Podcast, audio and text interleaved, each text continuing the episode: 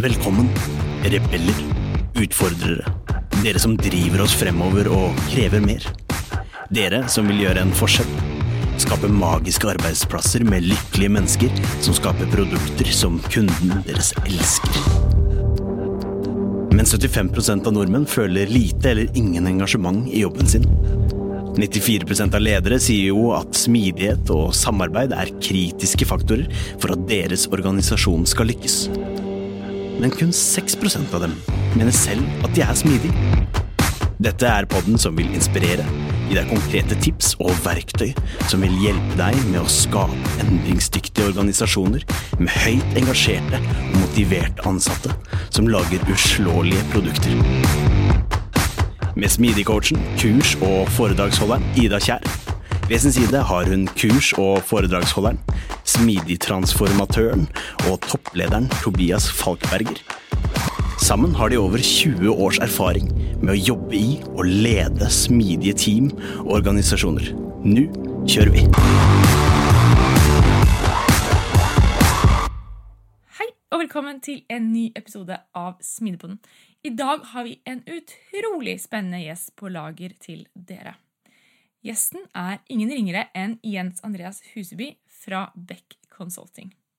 Jens Andreas han jobber som digital forretningsutvikler og er også temaeier for samarbeid i Teams hos Beck Consulting. Det vi skal diskutere i denne episoden, det er innovasjon, menneskets natur til samarbeid, hvordan dette påvirker gruppedynamikken, og hvorfor det er gjort med tillitsbygging. Og vi skal gjøre alt dette med bakgrunn i evolusjonsteori. For det er nemlig det som er Jens Andreas sitt fagområde. Og det er det som adder litt ekstra spice til denne diskusjonen her.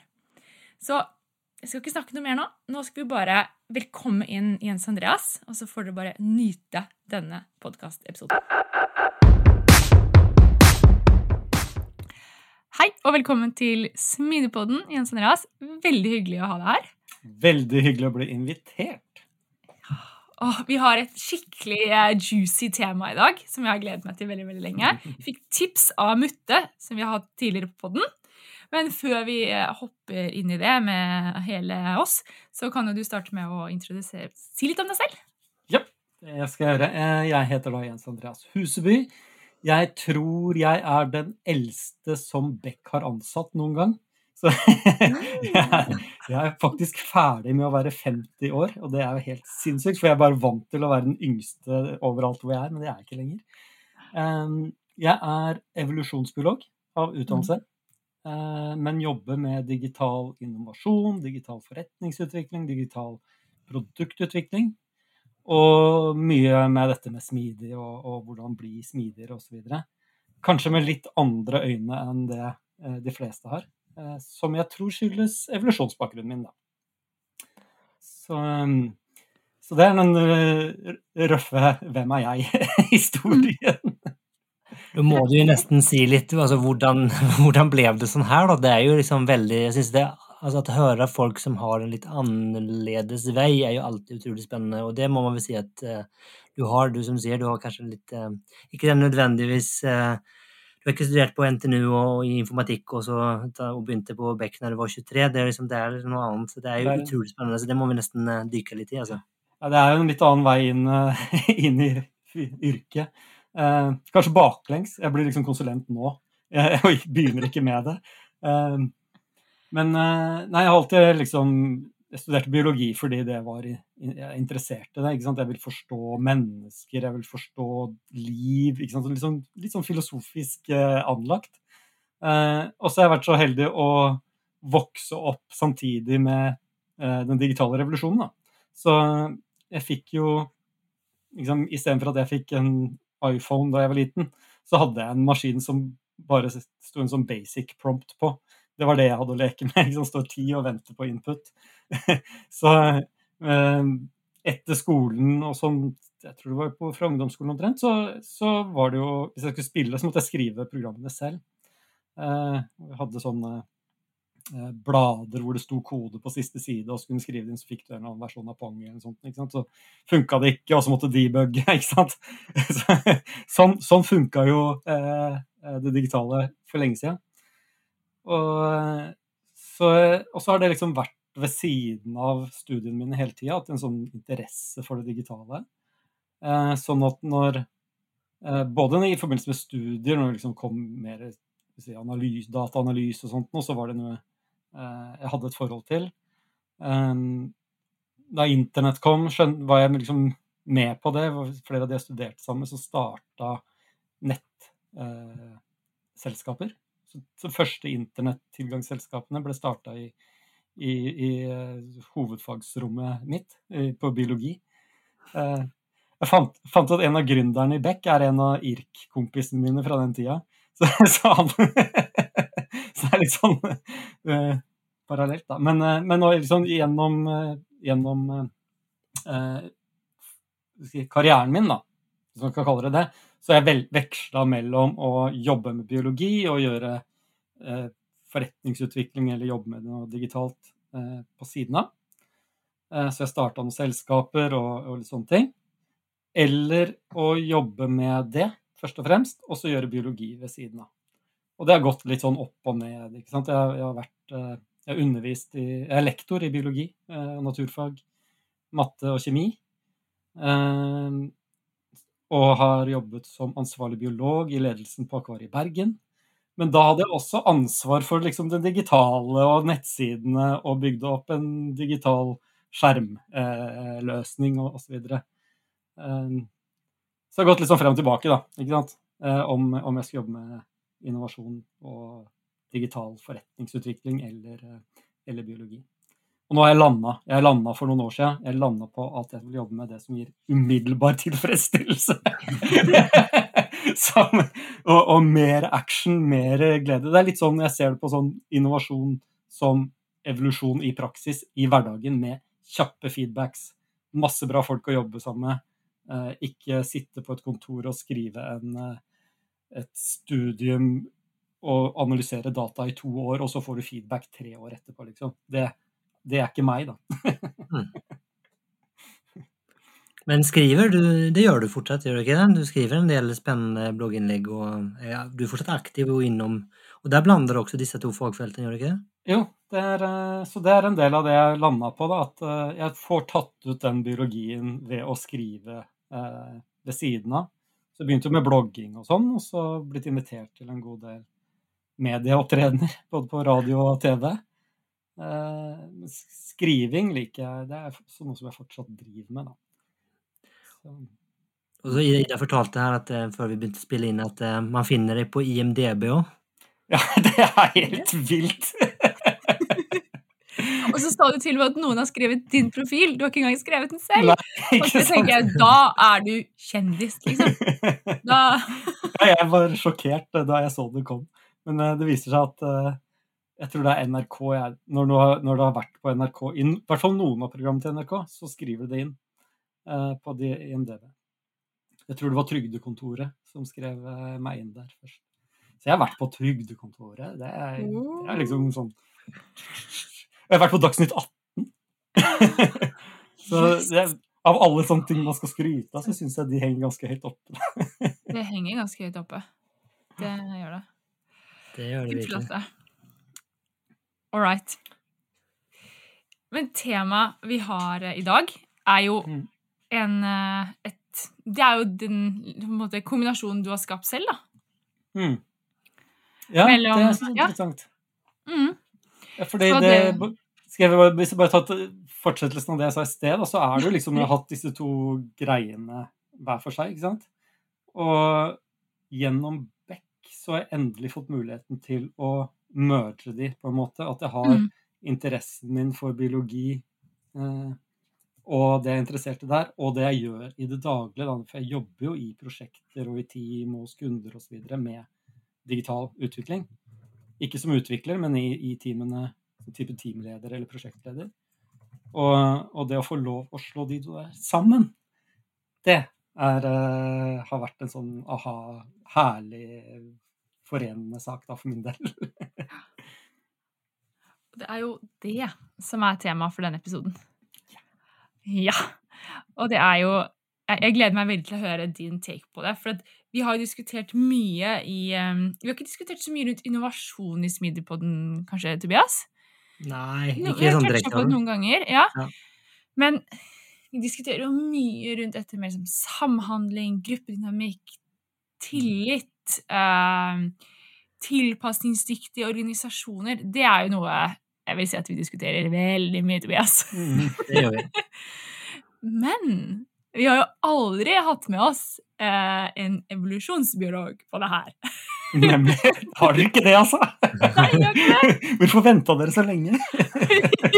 ja, det kan du si. Det kan du si.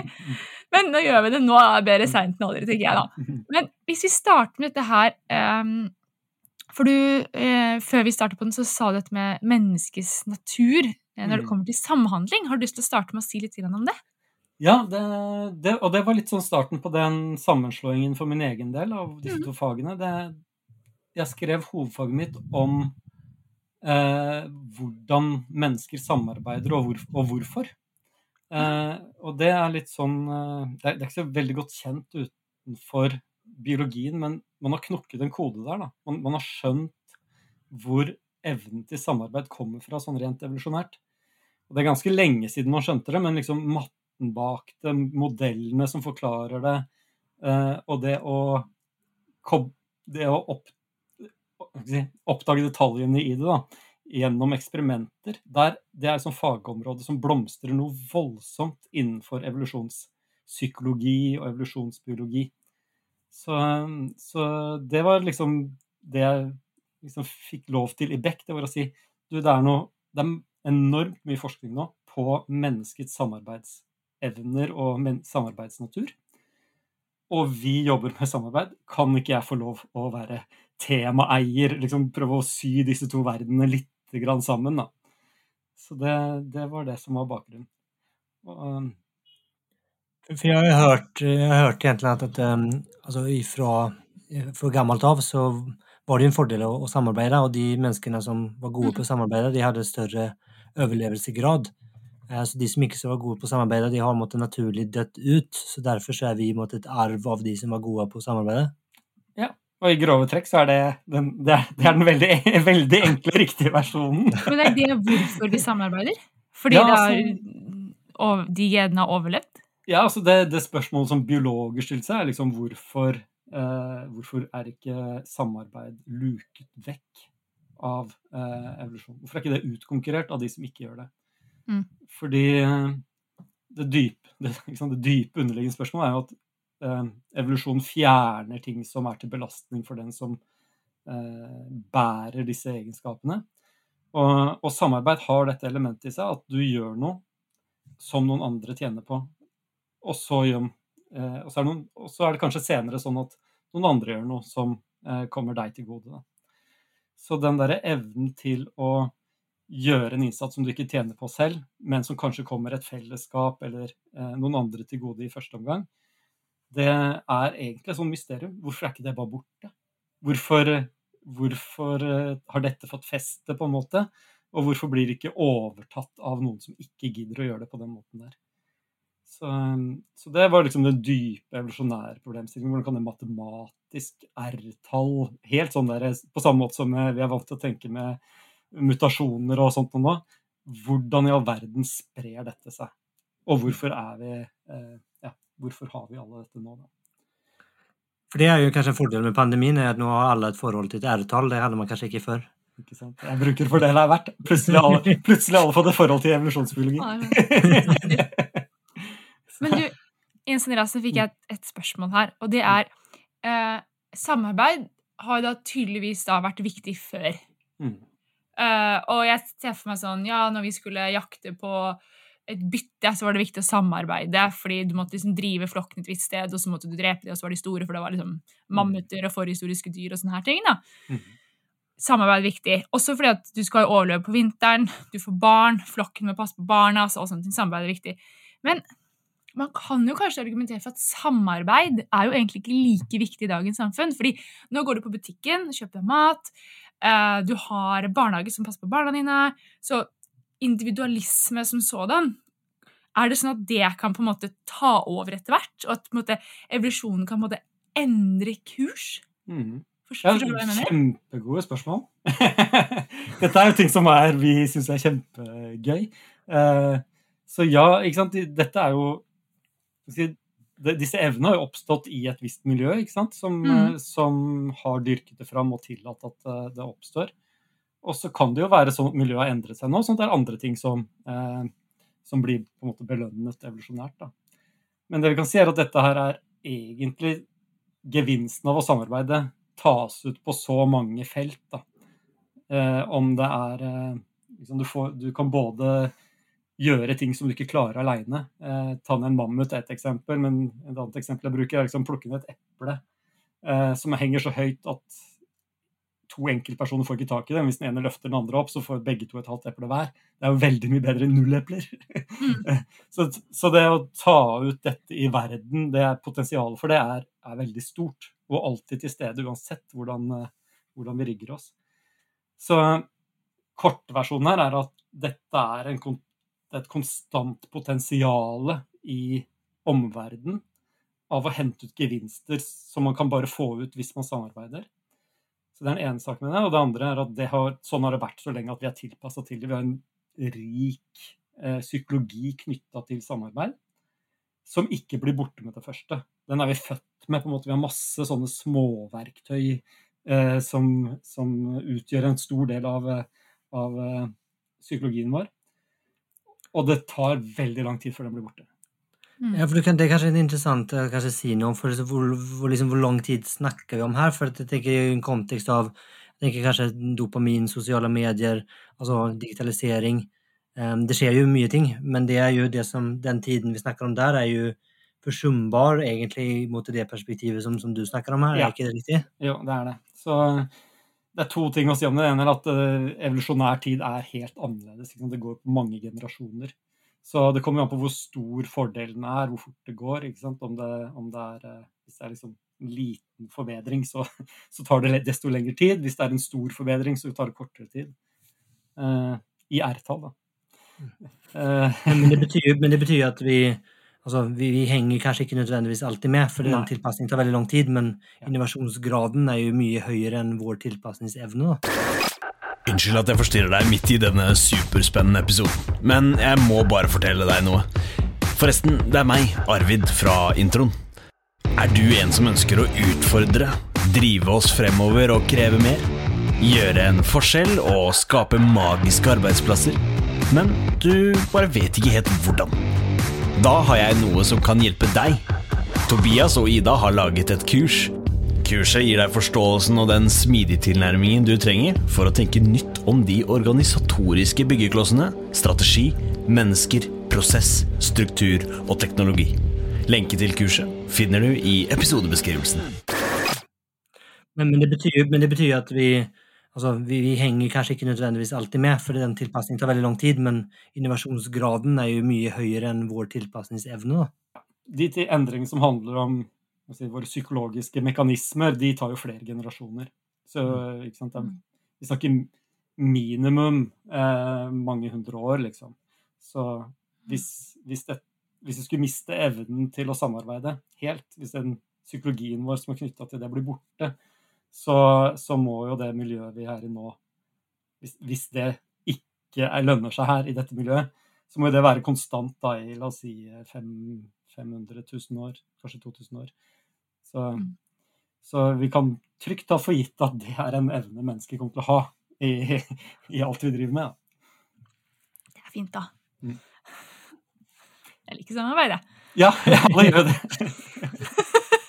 Kan, altså, men, ja. men det, er kanskje, får, jeg- får jeg følge deg på den påstanden der? Mm. Gjør alle det? Og er det liksom, eller, for jeg opplever at kanskje ikke alle gjør det, men du argumenterer for at alle burde gjøre det, men så er det kanskje en misme... Og hva, hva, hva, klarer, du, klarer du å si noe om det? Ja, det er en veldig Og igjen, veldig godt spørsmål. det Det hjelper meg å tenke. Um, Det, mennesker er betingede samarbeidere. Så en av tilpasningene til samarbeid er at vi er veldig, vi er veldig forsiktige med hvem vi samarbeider med, og når. Så samarbeid har Samarbeid har det potensial, potensialet til å hente ut masse verdi til fordel for de som inngår i samarbeidet. Eh, men det gjør oss også veldig sårbare for å bli eh, utnytta. Mm. Så at vi, sånn som jeg sa helt innledningsvis, dette med hvorfor er det ikke borte når det er så sårbart for at noen bare utnytter systemet, så har vi heller fått psykologiske mekanismer for å ikke bli utnytta, som er en del av dette Mm. samarbeidstilpasningen. Så, så der, derfor er det sånn at det er, ikke alle som, det er ikke alle situasjoner du samarbeider i. Det er ikke alle situasjoner du vil, vil si, begynne å yte. Eh, og det kan, du kan begynne å yte inn et felles uh, prosjekt, eller sånt, og så kan du finne ut at dette her skal jeg trekke meg fra. Uh, og her er liksom, begynner det å gå veldig tett inn på ting som er litt sånn soft skill, veldig nært opp til hvem er vi som mennesker, hvor er vi hen i dag, hvilket overskudd har jeg, hva orker jeg, hva tåler jeg, ikke sant? Alle de tingene der som er en, som da i mitt fag er tilpasninger til at vi er samarbeids, eh, en samarbeidende art. Da. Spennende. Men er det også Kan dette her også være med på å forklare grunnen til hvorfor noen mennesker går veldig godt overens med hverandre og samarbeider veldig godt, mens andre mennesker gjør det ikke i det hele tatt? Ja, jeg syns det. Jeg tror det. Men jeg tror det er veldig, tror det er veldig mye mer si, Det er så komplekst, da.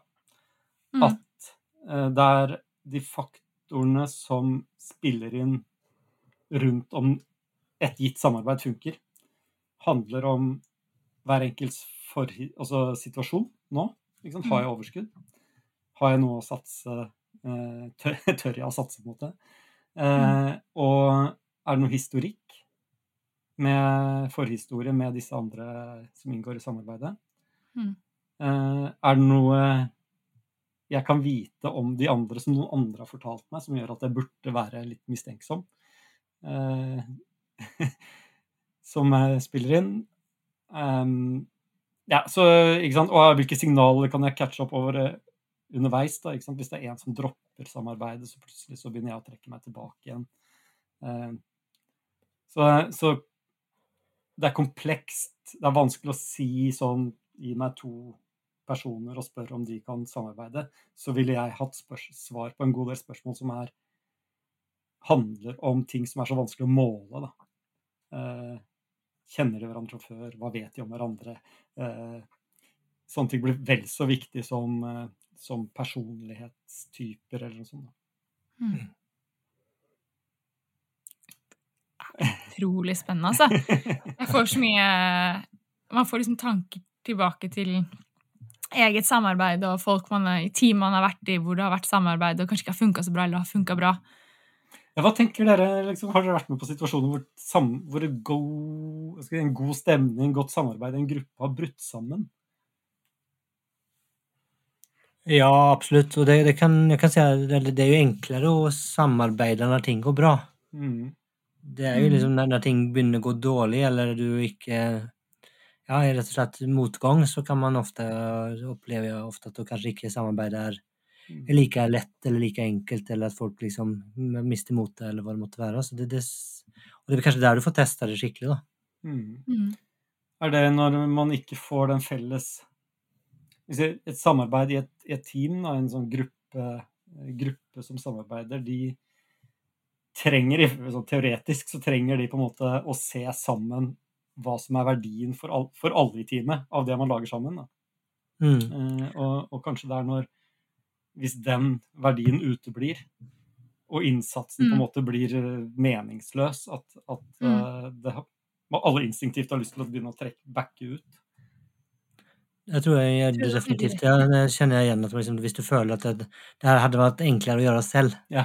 alene, Ja. så liksom, det, det her gidder jeg ikke. Altså, det er liksom, hvis du får um, altså, rett og slett social loafing, eller det blir for mye, altså folk kanskje ikke bidrar, man er ikke enige om, om hvor mye man skal bidra, eller hva som er Mm. målet. Og det kan også være en sånn ting at du jeg tenker framfor alt tilbake til, til skolen. eh, Når jeg studerte, så hadde vi en del sånn samarbeid. Og hvis man havna i en gruppe man var veldig uenige om hva som Mm. var målet, eh, på en måte både resultat og kanskje karakter og sånne ting, så kunne det være veldig Hvis du rett og slett strekk i, eller trekk det i ulike retninger. da. Mm. Du ikke var omforent i hvorfor vi gjør det her. Men dette, eh, dette er veldig interessant, fordi um, når vi startet eh, å spille inn i Sindre, så sa du at uh, samarbeid er viktig for oss. Eh, og så sa du noe som at um, vi gjør det på en måte for, liksom, for samfunnet, da, for the greater good, liksom, for å bidra. Og det er veldig sånn uselvisk handling. Men egentlig det vi snakker om nå, så er at uh, hvis et samarbeid skal oppleves som godt, så skal du som person også få noe ut av det. Mm. Du skal oppleve at det gir deg verdi. Gruppa også, men også deg, da. Og, og her er eh, evolusjonsbiologien veldig mye tydeligere enn en andre måter å tenke på hva er forskjellen på det som er felles gode, og det som er gode for den enkelte. Mm. Og det er også her det er veldig lett å gå seg vill i prat om liksom godhet, ondskap, egoisme, Oi. altruisme og sånt noe. Eh, som er store, vanskelige diskusjoner Mm. og, og sånn. Men i biologien så er dette si, Dette er veldig godt forstått. da. Eh, fordi du har en veldig presis definisjon som handler om nettopp R-tall. Eh, eller fitness, da, som man kaller det. Og R-tall er nesten, nesten det samme. så, så eh, det vi måler, er liksom innsats inn, det å bruke tid, krefter på noe. Målt i fitness, som er overlevelse av gener. Helt kvantifiserbart. Det er innsatsen, og gevinsten er målt i det samme. Og da kan man begynne å se på eh, hva, eh, hva som skal til for at ting sprer seg. For at egenskaper sprer seg. Så eh, for å komme tilbake til, til spørsmålet ditt, så er det egentlig aldri sånn at man gjør noe fordi det skal komme gruppa til gode.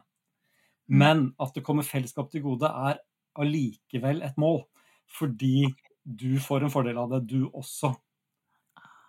Så um, det er på en måte eh, et Skjønner. Det er litt tilbake til et eksempel med det halve eplet, da. Ja, Det gjør ja ikke sant? Ja. Mm. Og så mennesket er ikke Ja. Mm. Mm. Så her er, og, og grunnen til at man skjønte det i evolusjonsbiologien, er, eh, er at man slo sammen Altså, det er litt interessant, for det var både eh, Det er også en sånn digital revolusjon, hvor man kunne endelig modellere litt vanskelige ting. Så man modellerte eh, Man simulerte evolusjon i maskiner når de ble kraftige nok. Og så eh, var det et gjennombrudd i matematikken på dette med spillteori, som modellerer sånn komplekse interaksjoner og sånt noe. Eh, og da fikk man den her nøtten til å henge sammen, dette med Man knakk den nøtten, da, med liksom Hvorfor ofre noe for et fellesskap hvor du ikke vet om Mm. du kan få noe tilbake igjen? Og hvorfor kan det allikevel bli stabilt? Så stabilt at man får alle disse her tilpasningene til hvordan være litt mye mer kompleks i liksom reaksjoner eh, på et samarbeid, trekke seg inn i det, bli tiltrukket av det, trekke seg ut av det, single ut enkeltpersoner du ikke vil samarbeide med, belønne noen andre osv. Så, videre. så um, det jeg synes er uendelig fascinerende, for du kan se dette her oppstå i datamaskiner. Du kan se strategiene bare blomstre opp. Du kan starte med eh, virtuelle organismer som ikke samarbeider. Og så set, rigger du til et evolusjonær eh, simulering hvor man kan samarbeide om et felles gode, og så kan du se hvordan det sprer seg, og hvordan nye strategier begynner å oppstå, hvor de begynner å straffe de som jukser, begynner å trekke seg ut av lokale samarbeid og søke til de beste samarbeiderne, og masse andre ting som vi kjenner oss igjen i. da. Utrolig spennende. Men eh, Jens Andreas, jeg må, stille et, jeg må stille et annet spørsmål. Helt off topic. Mm. Eh, tror du at vi lever i en simulering? Jeg er veldig fascinert over det gode argumentet for. Ja, Er det ikke spennende? jo, jo. jeg, veld... jeg har ikke landa. Jeg har ikke landa. Jeg har heller ikke landa. Det er så spennende. Nei, Oh, ja. Tilbake. Men jeg, jeg har et svar til, eh, som, som er revolusjonært. Eh, fordi jeg tror ikke det har så mye å si. Eh, Nei. Nettopp! Det er det Tobias har diskutert. da. Har det noe å si, egentlig? Nei. Jeg tror ikke det. Jeg tror Tror ikke ikke det. Ok, det var en liten fact. Veldig bra. Hvis vi går tilbake til tematikken. um, Vi har jo egentlig begynt å snakke om dette, liksom, egentlig, men, men hvis vi kan um, snakke litt mer om gruppedynamikk hvordan vil, altså Alt det vi har snakket om nå, hvordan kan det påvirke Vi har jo egentlig snakket en del om det, men hvis vi graver oss litt ned, mer ned i det, kanskje? Mm. Har, eh, det er jo mange gode grunner til at samarbeid skal altså, På, på overordna nivå da, så er det mange innsikter fra denne forskningen her som jeg tenker er veldig relevant for, eh, Mm. for hverdags eh, si, styringen av et team, eller hverdagslivet i et team. Mm. Eh, blant annet at samarbeid er skjørt. Eh, folk har en sånn Vi har masse psykolo være klar over at vi har masse psykologiske mekanismer for å ville trekke oss ut av samarbeid hvis det skjer noen ting. Det er, en, Mm. det er noen sånne triggere som, som man skal følge med på. Mm. Eh, det er flere ting som kan få et samarbeid til å bryte sammen. F.eks. hvis noen begynner å jukse, helt åpenbart. Eh, eller man begynner å mistenke at noen ikke bidrar, bare er sånne free riders. Mm, som Tobias nevnte. Mm. Eh, og så har vi masse mekanismer knytta til det. Det er noe som heter eh, altruistisk avstraffing og en del sånne andre kule ting som, er, som ligger måte i oss. Hva er det? Eh, altruistisk avstraffing er når noen i en gruppe tar støyten ved å, ved å straffe en annen eh, for å ikke ha bidratt. Så litt, litt den som call out. Eh, du må skjerpe deg i ja, liksom alles eh, eh, nærvær. og tar, tar liksom faren ved en konfrontasjon. Da. Og, og bruker tid og krefter på, på å straffe vedkommende. Eh, og det er masse eksperimenter hvor, eh, hvor, hvor man i atferdsøkonomi har sett at folk er villige til å betale for å frata noen andre penger. Eh, og den mekanismen er kjempeviktig for å opprettholde samarbeid. Betale for å frata ja. Mm. Altså, det må være utrolig mye sånne spennende forsøk. Veldig, veldig spennende greier. En kul fact med den er at hvis du skal samarbeide i grupper over type eh, two pizza-team, da, Mm. Over tid, så bryter de bryter sammen pga. Eh, juks som sprer seg når det begynner å øke antall medlemmer. For da blir det lettere å gjemme seg. Eh, men hvis du har tydelige mekanismer for, for sånn eh, avstraffing, så kan du øke gruppestørrelsen uten at samarbeidet bryter sammen. Og det er en kjempekul matematisk paper på, eh, på hvorfor dette funker. Men um, nå er det sikkert mange av lyttere som tenker på sånn, ok, men hva slags avstraffing kan jeg implementere i mitt team? hva er liksom sosial... Hva er innafor? Ja, det tenker jeg man må finne ut selv, men, men det, det Men prinsippet Og det som er testa ut, er jo i, i sånne økonomiske spill da, hvor man sitter eh, med en Alle i teamet har Man har en felles pott, og så kan alle i teamet bidra med penger. ikke sant? Innsatsen inn i fellespotten, og så vokser den. Og så er det mulig å ikke bidra, men allikevel høste gevinsten. Så den eh, I veldig mange av disse forsøkene her så har man da gitt noen mulighet til å da betale penger på si for å frata den personen som da ikke har bidratt, sine penger, liksom. Eh, så det er, det, det er liksom det teoretiske, eller eksperimentelle underlaget, da. Mm. Så, eh, men jeg tenker dette her er jo en viktig ting i et team. At uh, veldig ofte så er det sånn at hvis det er noen som ikke bidrar så mye, så er det litt sånn på bakrommet. Kanskje, et teamet liksom bare spør om det går greit hjemme. Litt sånn finne ut av hva som kan være grunnen, og prøve å, å bare korrigere det. Men av og til så kan det være på sin plass at alle ser, alle vet at den mekanismen er der. Det trenger ikke være en straff, men bare at alle vet at det ikke er greit. At, eh, at man ikke bidrar, da. For det, det du sier der, er kanskje mer altså, åpenheten og dialogen rundt det kan være vel så kraftfull og effektfull som altså, fysisk straff eller, eller økonomisk straff. da. Så det, det, og det tenker jeg er eh, I de aller fleste sammenhenger så er jo det mer enn nok. Men jeg tror det er viktig at alle er klar over at det er en mekanisme der du blir fanget opp hvis eh, noen ikke bidrar. Og så tenker jeg det er greit for en type teamlead eller en, en annen- leder å, å være klar over at alle mennesker er veldig vare på om noen ikke bidrar. Alle driver og e- egentlig har en liten sånn Jeg kaller det en jukseradar. Så driver og egentlig bare sjekker har, er den, den andre der er det egentlig en som bidrar, eller prøver å, slippe unna med minst mulig innsats. Da. Den tenker jeg er større i et team. Altså for den, der deler du på det ansvaret kontra se en mer lederstyrt eh, avdeling eller et veldig topp lederstyrt team, da, eh, som der det kanskje det ansvaret bare ligger hos en leder. da.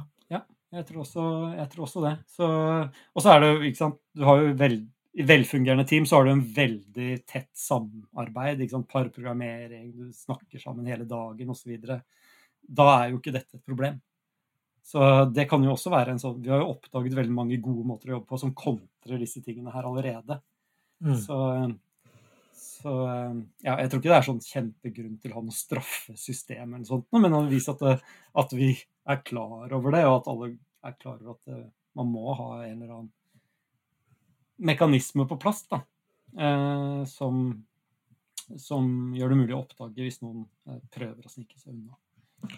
Dette her Jeg tenker en tilbake til, sorry, da, jeg tenker bare tilbake til mine egne studieerfaringer fra gamle dager. så at, at man kanskje er omforent også om, om mål, og at man da kanskje har et eh, gruppe eller en team som, som er enige om hva nivået er, eller hvordan man da eventuelt løser det. da. Mm. At, eh, at man kanskje faktisk at vi, vi jobber sammen opp til et visst nivå, og så er det en mindre gruppe som, som ønsker å trekke det lenger, da, for de har andre, andre mål eller andre ting. Da. At det er kanskje noe der òg. For å ikke For det det er jo ikke det er kanskje ikke nødvendigvis spesielt heldig å ha eh, en sånn type konfliktsituasjon eller en sånn situasjon inne i den teamet eller gruppa. Mm. Ida? Jo, nei, det her minner meg veldig på en eh, forskning En artikkel jeg leste hvor de hadde hvor eh, det var veldig mange som var forsinka for å hente barna i barnehagen. Eh, det ser ut som du er kjent med denne her, eh, Jens Andreas. Nei, Ja. jeg er bare kjent med situasjonen. ja, ja, i hvert fall, folk var forsinka og hentet barna i barnehagen. Mm. Um, de hadde problemer med det. Eh, det de gjorde, var at de, de satte i gang en straff. Eh, så hvis du var forsinka um, så og så lang tid, så måtte du betale. Du, ble, Eh. du ble, fikk legge en bot til en sånn fellespott. Ja. Du måtte betale. Eh, det som skjedde, var at de legitimerte det å komme for sent.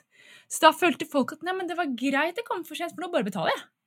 Så det endte med at flere begynte å komme for sent enn før. Mhm. For nå kunne de bare betale seg ut av problemet. Så de, straffen ble en eller annen form for sånn Det gikk fra å være en straff til å bli nesten en sånn det Tjeneste. ok, liksom. Ja, den tjenesten tjeneste gjør noe for fellesskapet, nesten. Og det syns jeg er litt fascinerende oppi det her, da. En kul, eh, kul eh, sak å trekke inn nå, fordi det sier noe om ikke sant, vår, vår psykologiske mekanisme handler om det sosiale spillet.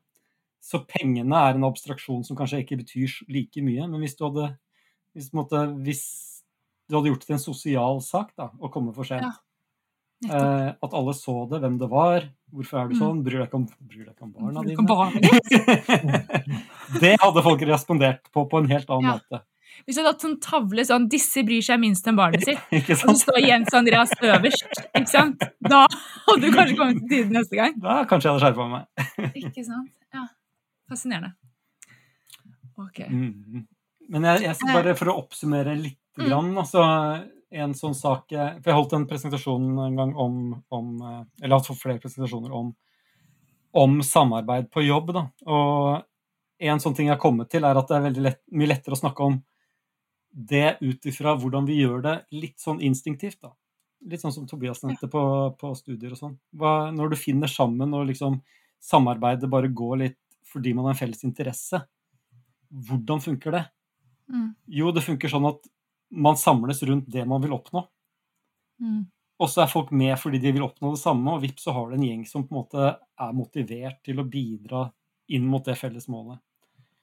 Eh, og det samarbeidet er jo veldig dynamisk. Det er veldig preget av at folk vil bidra. Det er fullt eierskap til ting. Vi bidrar et, liksom, leter litt etter hva kan jeg gjøre for å få til dette, dette fellesgodet.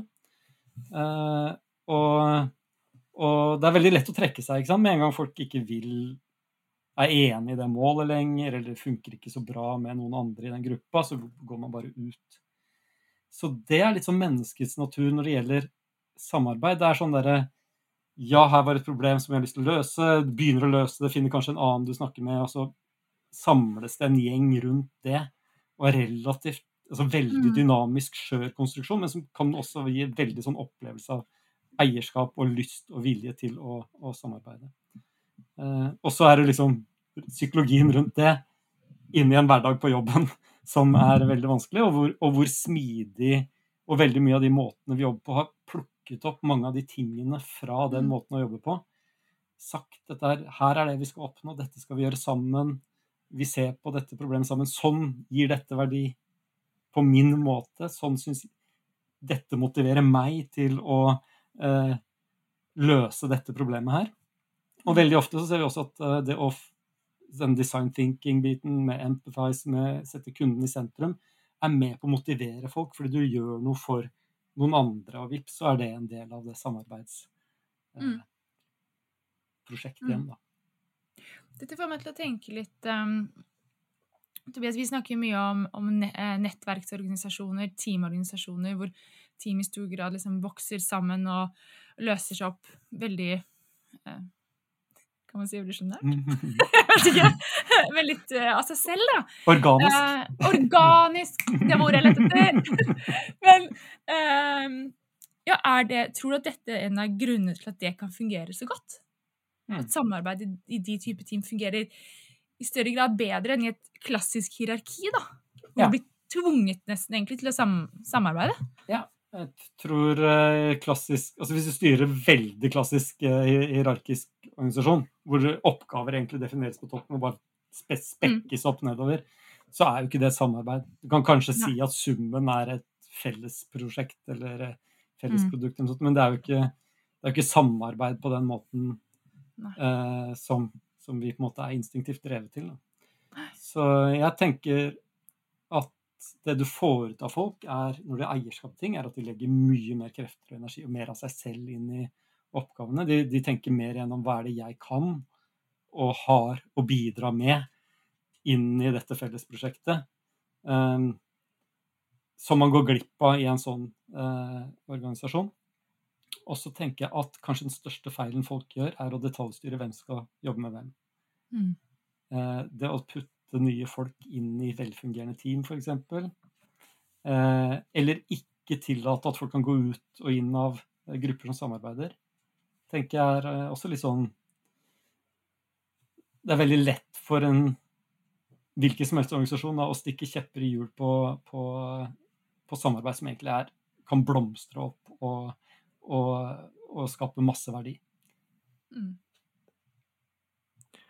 Men der jeg tenker, når du sier det, er jeg veldig, veldig enig, men jeg tenker en annen ting er kanskje også, som du har vært litt inne på, tid.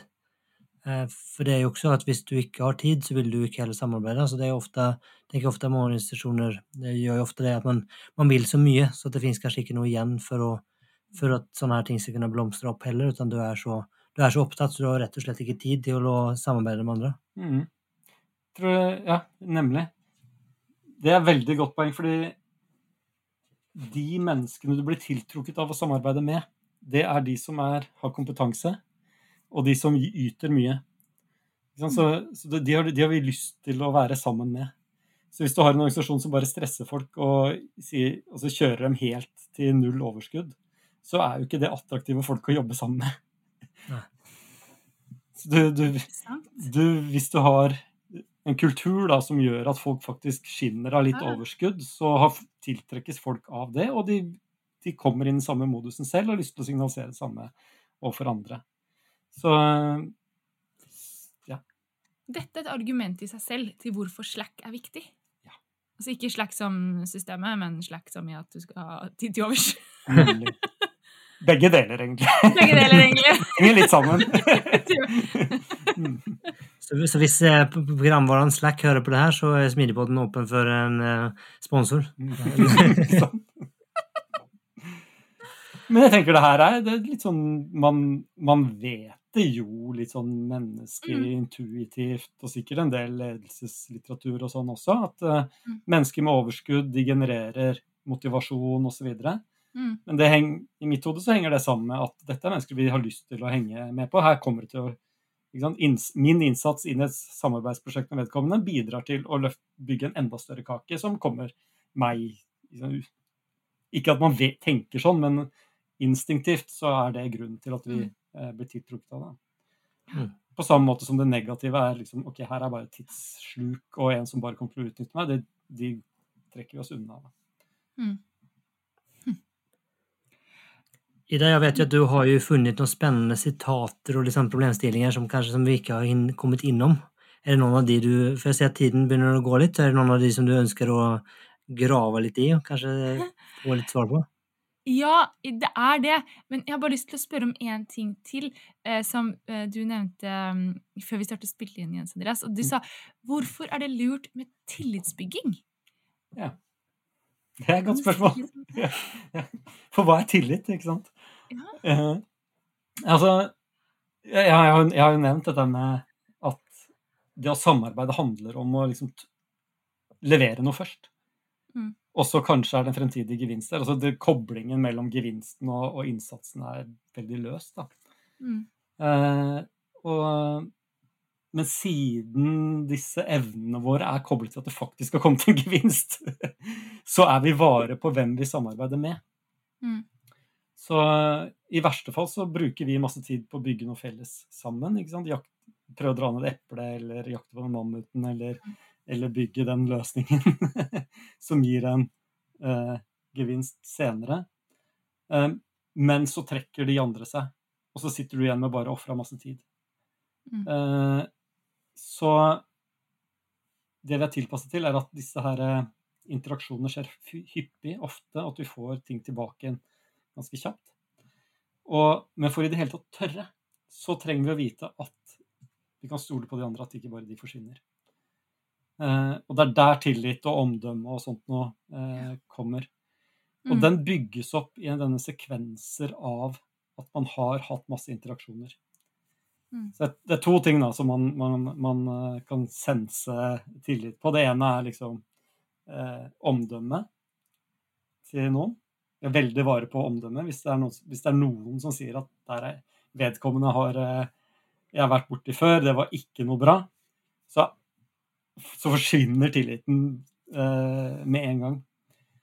Eh, det andre er at vi har en historikk av interaksjoner så, hvor jeg har sett at her er det gjenytelse. Eh, så derfor funker veldig mye av disse teambygging eller relasjonsbygging, aktivitetene ved siden av. De er kjempeviktige, fordi da, da ser du at her er det en vekselvirkning. Eh, som gjør at jeg har en historikk som gjør at jeg ikke trenger å tenke på dette her? Dette er ikke en person jeg trenger å være Jeg trenger ikke å skru på eh, jukseralarmen min.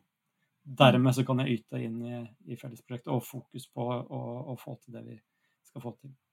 Mm. Så um, jeg tenker tillit er, det er veldig vanskelig ord å definere, men hvis vi kan tenke på fraværet av rød flagg, da. Ja. Inn mot noe vi har lyst til, som er et Mm. fellesprosjekt. Mm. Noen ganger så er det lettere å si hva det ikke er, enn hva det er. Ja. Spennende. Jeg kom på et uh, sitat Mhm. som jeg har lest. Jeg har jo uh, stalka deg. Eh, og hvorfor jeg syns det her var så spennende, var fordi jeg var på et um, presentasjonsteknikkurs i går. Mhm. Og da hørte jeg lignende sitat. Og så hører Tobias jeg på en bok som jeg ikke husker hva heter. Tobias. Jo, det er boken til Jeff Bezos. Uh, Er det ikke det? Nei, det er det ikke. Var det en annen bok? Nei, det var ikke den vi hørte det i, tror jeg. Nei. Uh, nei. Det, vi har hørt en del bøker på On Tour, Ja. så Mark ja. vet Hva heter den? Ja, vi, kan, vi finner ut av det, så kan vi sikkert Uansett, takk noe å si. Uh, men vi hørte sitatet der, og derfor syns jeg det var spennende. Og det er dette med hvordan vi eh, tar valg som mennesker. mm, At vi først velger med følelser, mm, eller automatisk, som du skrev, Mm. og at vi deretter argumenterer og skaper et rasjonale. Mm. Og det syns jeg var veldig interessant, eh, både fra et produktutviklingsperspektiv, Ja. eh, men også fra et endringsperspektiv. Ja. Har du noe ja. Jeg, ble bedt om å komme på bøker og anbefale. Og da, nå kommer jeg på en jeg ikke har med på lista der, men som jeg anbefaler allikevel. Og det er en som heter eh, The Righteous Mind. Av en som heter Jonathan Haight. Han er uh, sosialpsykolog. Eh, og han Han har et veldig bra bilde på det der, som Mm. han kaller The Rider and the Elephant. Som handler om Han sammenligner måten vi tar valg på, med en rytter som sitter på en elefant. Og hvor rytteren er fornuften, og elefanten er følelsene våre. Og elefanten går jo egentlig dit den vil. så kan rytteren liksom sitte på toppen med en liten sånn der eh, pinne og liksom si pirke i øret. Ja, vi skulle til høyre, liksom, og så gikk den til venstre. Og så ja, ok, da så ja, vi skulle sikkert til venstre uansett. Å ja, venstre, det var et fint sted å gå. Det var sikkert en tiger på høyre side. Men uh, poenget hans da, det er at uh, de aller fleste situasjoner vi er i, er vi tilpasset til å ta et valg i veldig fort. Og, og da bruker vi på en måte systemer i, i, i følelseslivet vårt og hjernen vår og, og, og sånt noe som er eh, lagd for å ta kjappe beslutninger. Som ikke er rasjonelle, men veldig sånn eh, styrt av at si, dette her er det riktige å gjøre i en sånn situasjon som dette. Dermed så er evolusjonen plassert med en sånn måte å reagere på. Eh, og rasjonaliteten, mener han, da, grunnen til at vi liksom skal forsvare valg, det handler egentlig bare om å skape, skape aksept hos alle andre.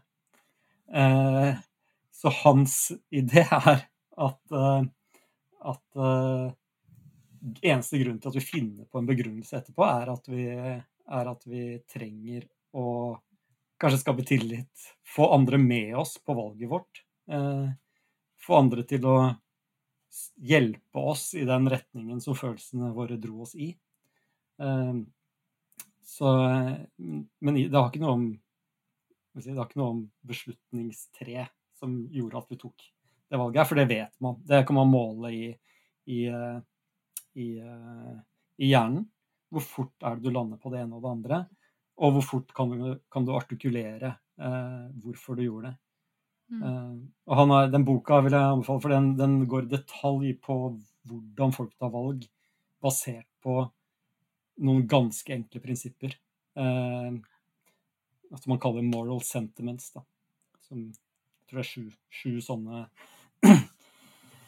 si, Renhet er en av de, f.eks. Enten, så vi, enten så er det en veldig viktig uh, faktor for oss, eller så er det ikke det. Og hvis det er veldig viktig for oss, så pleier vi å ta den type valg.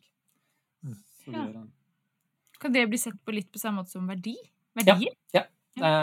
Det, er det det Men de fundamentale verdiene der Det som er interessant, der, er at det, det, mennesker er mye enklere enn vi tror. Det er sju Jeg husker ikke hvor mange det er. Jeg tror det er sju. Mm. Sju sånne han kommer opp med. De aller fleste mennesker, eller noen mennesker, forholder seg til alle sju. En annen gruppe mennesker forholder seg til tre. Og det er, de, det er, de, to hovedgruppene. Så det er ikke sånn du kan forholde deg til fire, fem Nei. nei. Og, det er de samme, og det er de samme tre. Uh, Oi. Hvordan vet man hvem man er? Det er tester ja, Det er masse tester han linker til. Det, vet du hva, Den boka er så bra. Dere må bare lese den, alle som hører på nå. Det begynner med liksom da han var student, og de undersøkelsene Spørreundersøkelsene går på sånn um, Sånn um, Forestill deg at du skal spise middag, og så får du levert en uh, fersk kylling. Uh, du er skikkelig sulten osv. Du får vite at den kyllingen ble voldtatt av uh, bonden noen timer tidligere. Du spise den ikke? Altså, hva vekker det i deg? Liksom, vil du spise den eller ikke? Og de aller fleste gjør en sånn eh, bedømming Nei, det, her er det noe ikke sant? Dette er ikke bra. Kanskje, altså, kanskje den var død. Ikke sant? Den er vaska, og alt er fint, liksom. Ja. Hvorfor Hvorfor er den informasjonen viktig når den kyllingen ikke har noe, og den bruken du har av den kyllingen, har noe med den situasjonen å gjøre? Eh, og hvilke typer sånn type, den type informasjon gjør at vi vipper eh, og endrer vårt valg? Og da har han kommet til disse her grunnleggende verdiene, moral sentiments, som er disse sju. Mm. Så spennende. Ja, man må lese det her. her, her må vi bli vår neste bok. Jeg tror vi kunne fått veldig mye ut av denne boken. Det høres veldig spennende ut. Det høres kjempespennende ut. For Tobias, jeg har ofte ikke, ikke den type diskusjoner, eh, men ofte hvor vi, liksom, hvor vi ville valgt forskjellige ting. da. Og så er det sånn, men, men, hvorfor det? Fordi det er jo ikke relevant i denne setningen. Eh, og da er det typisk jeg som heller i en eller annen rar retning. Mm. Og Tobias er veldig mye mer liksom, rasjonale, logisk mm. ofte enn meg, da. Ja, det er bra. argumenterer Et, eh, etterrasjonale versjoner. Er ja, etter, ja, etterrasjonalisering, i hvert fall. da. Men det er veldig viktig. altså menneske, Mennesket har evnen til å, være rasjonelt. Så det, der tror jeg veldig mange misforstår biologi veldig ofte. Men liksom, evnen vår til rasjonell tenking er veldig begrensa. Og vi må, komme, vi må liksom aktivt sette oss inn i en sånn headspace da, hvor, vi, hvor vi kan overstyre følelsene. Eh, og så tror jeg vi har veldig mye å vinne på å være klar over at vi fungerer på den måten. For da, har vi, da kan vi liksom gjenkjenne det og løfte oss ut av det når vi trenger det. Mm. Eh, Så det, det tenker jeg kanskje en, en av de viktigste takeawayene Mm. fra, fra alt dette her, er liksom det. Spennende. Det er, um, Tobias, jeg gikk på meditasjonskurs for hva, fire år siden nå, Tobias. Og da var det ja, Kanskje mer. I hvert fall da var det dette en av de tingene vi snakket om. Ja. Eh, Det å faktisk klare å gjøre det, da. Um, Som er veldig sånn um, befriende Mm. på mange måter. Helt enig. Jeg er litt der for tida, jeg òg. Jeg leser uh, Meditations av Marcus Aurelius. Gjør du det? den, den er på lista mi over anbefalte bøker akkurat nå. Den er så Mm. bra. Hvor langt har du kommet? Nei, har, det er andre gang jeg leser den. Så, eller, nå, så nå er det lydbok. oh, ja, jeg startet å lese den for mange år siden som lydbok, men uh, da falt jeg av. Så jeg må ta den opp igjen. Ja, den, det er, må bli aldri ferdig, tenker jeg. Det er jo en klassiker. Mm. Men jeg, med tanke på hvor vi er i spørsmålene og hvor vi er på tiden, så er det kanskje riktig å Hva sier du da? Litt. Nei, jeg bare kom på et veldig stort tema som vi kanskje ikke har tid til. Men det handler jo om tilpasning og hvorfor skal være smidige. Det, men det kan vi jo ta en helt annen gang. Vi kan ta en ny episode. Ja. Jeg tror kanskje vi må det. Det bra. Skal vi dra i gang de fem siste da? Vi gjør det. Eh, Den første, det er Hva ville du fortalt 20 år gamle deg selv? ja, da er jeg så heldig å være mer enn dobbelt så gammel, så eh, jeg har, jeg har gode grunner til å si ting. Jeg, jeg tenker, det er et bra spørsmål, så jeg har funnet ut at jeg skal fortelle meg selv at uh, det jeg holder på med, er veldig bra. Kjør på. Men fokuser litt mer på penger. Det, penger betyr faktisk noe. så, så kjøp en leilighet. Det, Mm. Der bomma jeg. Og så les Marcus Aurelius' Meditations. Det er to gode råd, altså. Det er Det er det. Eh, Hva mener du kjennetegner en god leder? Det er kanskje det vanskeligste spørsmålet her. Ehm, Det er mange forskjellige typer ledere, og så er det avhengig av hvilket nivå du er i. Men jeg tror dette er med menneske, forståelse for at andre mennesker er mennesker, på en måte. tenker jeg er en, en sak. Og en realistisk modell av hva andre mennesker er. Eh, Litt sånn som vi snakket om i sted, at mennesker er drevet av følelser, men de har også evnen til, eh, evnen til rasjonell tenkning. Tror jeg er viktig. Eh, jeg tror det aller viktigste er å vite at du blir ikke god leder hvis ikke du klarer å hente ut det beste i folk. Så det å eh, faktisk mene og, og ta til deg at den beste outputen her er når alle andre får blomstre opp, det tror jeg er best, viktigste kjennetegnet på en god leder. Og også kanskje det vanskeligste å gjøre, fordi kommer man i en sånn, sånn posisjon Altfor mange ledere er si, for opptatt av seg selv og grunnen til at det er kommet hit, og, og ville prestere selv. Så det å balansere det med å ta, å ta ut det gjennom andre, det tenker jeg er eh, ekstremt vanskelig og ekstremt krevende, men også det kjennetegnet som på en virkelig god leder. Bra svar. Ja, veldig bra. All right. Eh, Hva vil du gi som tips til de som ønsker å etablere en mer endringsdyktig kultur? Hmm. uh, jeg tror Og det er litt det store spørsmålet som vi ikke rakk å komme inn på her. Da? Ja. Hva er endringsdyktig, og hvorfor skal vi være det? Jeg tenker, I mitt hode så handler det om å gjøre en virksomhet mer tilpasningsdyktig. Og hva skal man være tilpasning til? Jo, som regel så er det en endring i et marked, er- eller endring i kundeatferd eller kundeønsker. Eh, Så tipset mitt handler om å få opp A. Målet, hva er det vi vil med endringen, så at alle ser det. Og B. Alle disse sansene til virksomheten. Sånn, hvordan kan vi måle det? Kan vi se at vi får flere brukere hvis vi går i den retningen her? Og hvis du klarer å gjøre det synlig for alle sammen, så har du liksom det felles samarbeidsprosjektet er veldig synlig. Da vil folk bidra, og du vil se at det de gjør, har effekt. F.eks. på flere kunder, eller på økt salg, eller på, på inngang i et nytt marked, f.eks. Så, så det tenker jeg er tipset. Gjør det til et fellesprosjekt. Eh, gjør det til en Og ja, gjør det til et felles prosjekt, og sy resultatene synlig, og, og en tydelig visjon da, for den felles, uh, fellesverdien man skal skape. Mm. Da kommer endringene av seg selv. Spennende. Har du noe, vi har jo vært innom det opptil flere ganger, her, men jeg tenker vi tar det punktet likevel. Har du noen bøker, lydbøker eller podkast du ønsker å anbefale?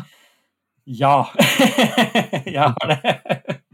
Jeg har mange podkaster som jeg hører på, men uh, Jeg blir sjokkert hvis du hadde svart nei der. Da, så, da... det er vanskelig å velge Dere må holde meg til tre, så jeg har liksom plukket ut tre bøker. da. Uh, det ene er Marcus Aurelius' 'Meditations'. Det tenker jeg, det må man lese. Uh, man må ha et forhold til det, tenker jeg. Det, gi deg selv en gave, hør den, eller les den. Um, det andre jeg plukket ut, er en bok som heter 'Darwins Dangerous ID'. Uh, en bok av en filosof som heter Daniel Dennett. Den er litt gammel, den er veldig svær, men den er veldig lettlest. Uh, det er en av de beste bøkene om evolusjon jeg har lest. Uh, og det, det, det, man lærer der, er at Eller det man forstår når man har lest den, er at evolusjon er en algoritme. Så den lar deg tenke på evolusjon som en algoritme som produserer design som er tilpassa noe. Og det løser opp Det løfter evolusjon vekk fra biologi inn i AI, inn i eh, eh, maskinlæring, inn i smidige organisasjoner. Og inn i produktutvikling. Spennende. For hvordan, hva er det du gjør når du gjør iterativ produktutvikling, hvor du måler suksess og sånt? Jo, du tilpasser, du gradvis tilpasser noe. Og hver iterasjon i mine øyne er en generasjon. Alle ideene er mutasjoner. Og det får man ut av den boka. Det var en veldig harmonisk måte å tenke på. Ikke sant? Jeg vil gi gode ideer høyt R-tall. Det er det jeg prøver å få til. Den siste Ja, hva skrev jeg der? Jo, det er veldig vanskelig, for jeg har veldig lyst til å anbefale Accelerate. En sånn bok om DevOps. Den må man ha lest, men den, alle anbefaler den. Så jeg tenkte jeg skal anbefale en som heter Uh, the Nature of Software Development. Uh, jeg er ikke utvikler. Uh, jeg jobber med utviklere. Og jeg ser at den kunnskapen jeg har lært meg gjennom å jobbe med utviklere, er mangelvare, og den gjør veldig mye av friksjonen i virksomheter som prøver å styre IT. De mangler den forståelsen for hvordan softwareutvikling funker. Og det står veldig superenkelt, dødsbra oppsummert i den lettleste, korte boka 'The Nature of Software Development'. Som, nice. det er noen sånn helt andre prinsipper. Du kan, hvis du, hvis du som leder da, har lyst til å starte et softwareprosjekt og tenker at det er som å bygge et hus, så ødelegger du softwareprosjektet ditt. Mm. Fordi det er av natur en helt annen måte å bygge ting på. Det er iterativt av natur, blant annet. Kompleksitet kommer etter hvert. Og hvis du begynner i andre enden, så bommer du. Spennende. Det var mye, mye gode tips. Mm. Men jeg tenker som minimum, da, så må du i hvert fall gjøre reklame for dine egne podkaster, um, Jens Andreas. Får jeg lov til det? Takk. Vi er uh... Jeg spiller jo mange episoder med Drypp i Bekk, mm. som er en sånn veldig lavterskelpodkast. Um, mm. Og så har jeg en podkast selv som heter uh, Vold, sex og gener. Eller heter den Sex, vold og gener? Jeg husker aldri. Men den ligger på Spotify. ja. Ja, og den, der har vi, Første episoden var om impotens. Om det kanskje kan være noe som Er det en tilpasning og ikke en feil? Eh, og så har vi hatt episoder om eh, hvorfor rasisme finnes når raser ikke finnes. Det her er ikke sant, evolusjonært. Det er kjempe, kjempespennende. Ja! Må man høre på det. Ja, Der skal jeg høre på. Så det var to tips. Fantastisk. Fantastisk. Men ehm, ok, hvordan eh, kommer man i kontakt med deg? Eller hvis man har lyst til å lese noe du har skrevet. Da har vi jo to gode kilder. Vi har to podkaster som man kan lytte på. Mm. Du- Jeg pleier å poste ting på LinkedIn. Jeg er ikke veldig aktiv på Mm. LinkedIn. Eh, Jeg skriver saker på eh, bloggen til Beck. Det er vel bloggbeck.no, tror jeg, som, Mm. som medium. Og der finner man meg også som forfatter av de sakene jeg har skrevet. Og da finner man også eh, andre bloggposter jeg har skrevet utenfor Beck. Da. Mm. Eh, og de skriver jeg gjennom et sånt bloggkollektiv som vi kaller for Darwinist. Det er de samme som står bak på denne podkasten. Så, og så har jeg skrevet saker for Minerva og NRK og litt andre steder. Med andre ord bare å google, egentlig. Ja, egentlig. Eller gå på IMDb. Eller gå på IMDb. Å, strålende. Å, Åh, nei, nå har vi holdt på lenge, og um, nå har du allerede committa deg på en episode til, Jens Andreas, så vi får avslutte den her. Dessverre. Tusen, tusen takk for at du ville komme. Det var innmari spennende. Veldig hyggelig å snakke med dere. Tusen takk, takk for at jeg fikk komme. Takk. Ha det bra, da. Ha det. Ha det. Tusen takk for at du lyttet på denne episoden av Smidepoden. Dersom du likte det du hørte, så abonner på Smidepoden, da vel. Da får du masse mer av denne type innhold i fremtiden. Dersom du har lyst til å støtte Smidepoden fremover, så gå gjerne inn på linken under og eh, ta kurset vårt. Du kan også så klart bruke noen av linkene under til bøkene som gjestene våre anbefaler. Det er affiliate links, og det betyr at Smidepodden får ei lita krone når du kjøper en bok, men du betaler så klart ikke en krone mer når du handler. Så med det så ønsker jeg deg en fortsatt fantastisk dag eller kveld, hvor enn det er du befinner deg i denne store, vide, vakre verden. Ha det bra!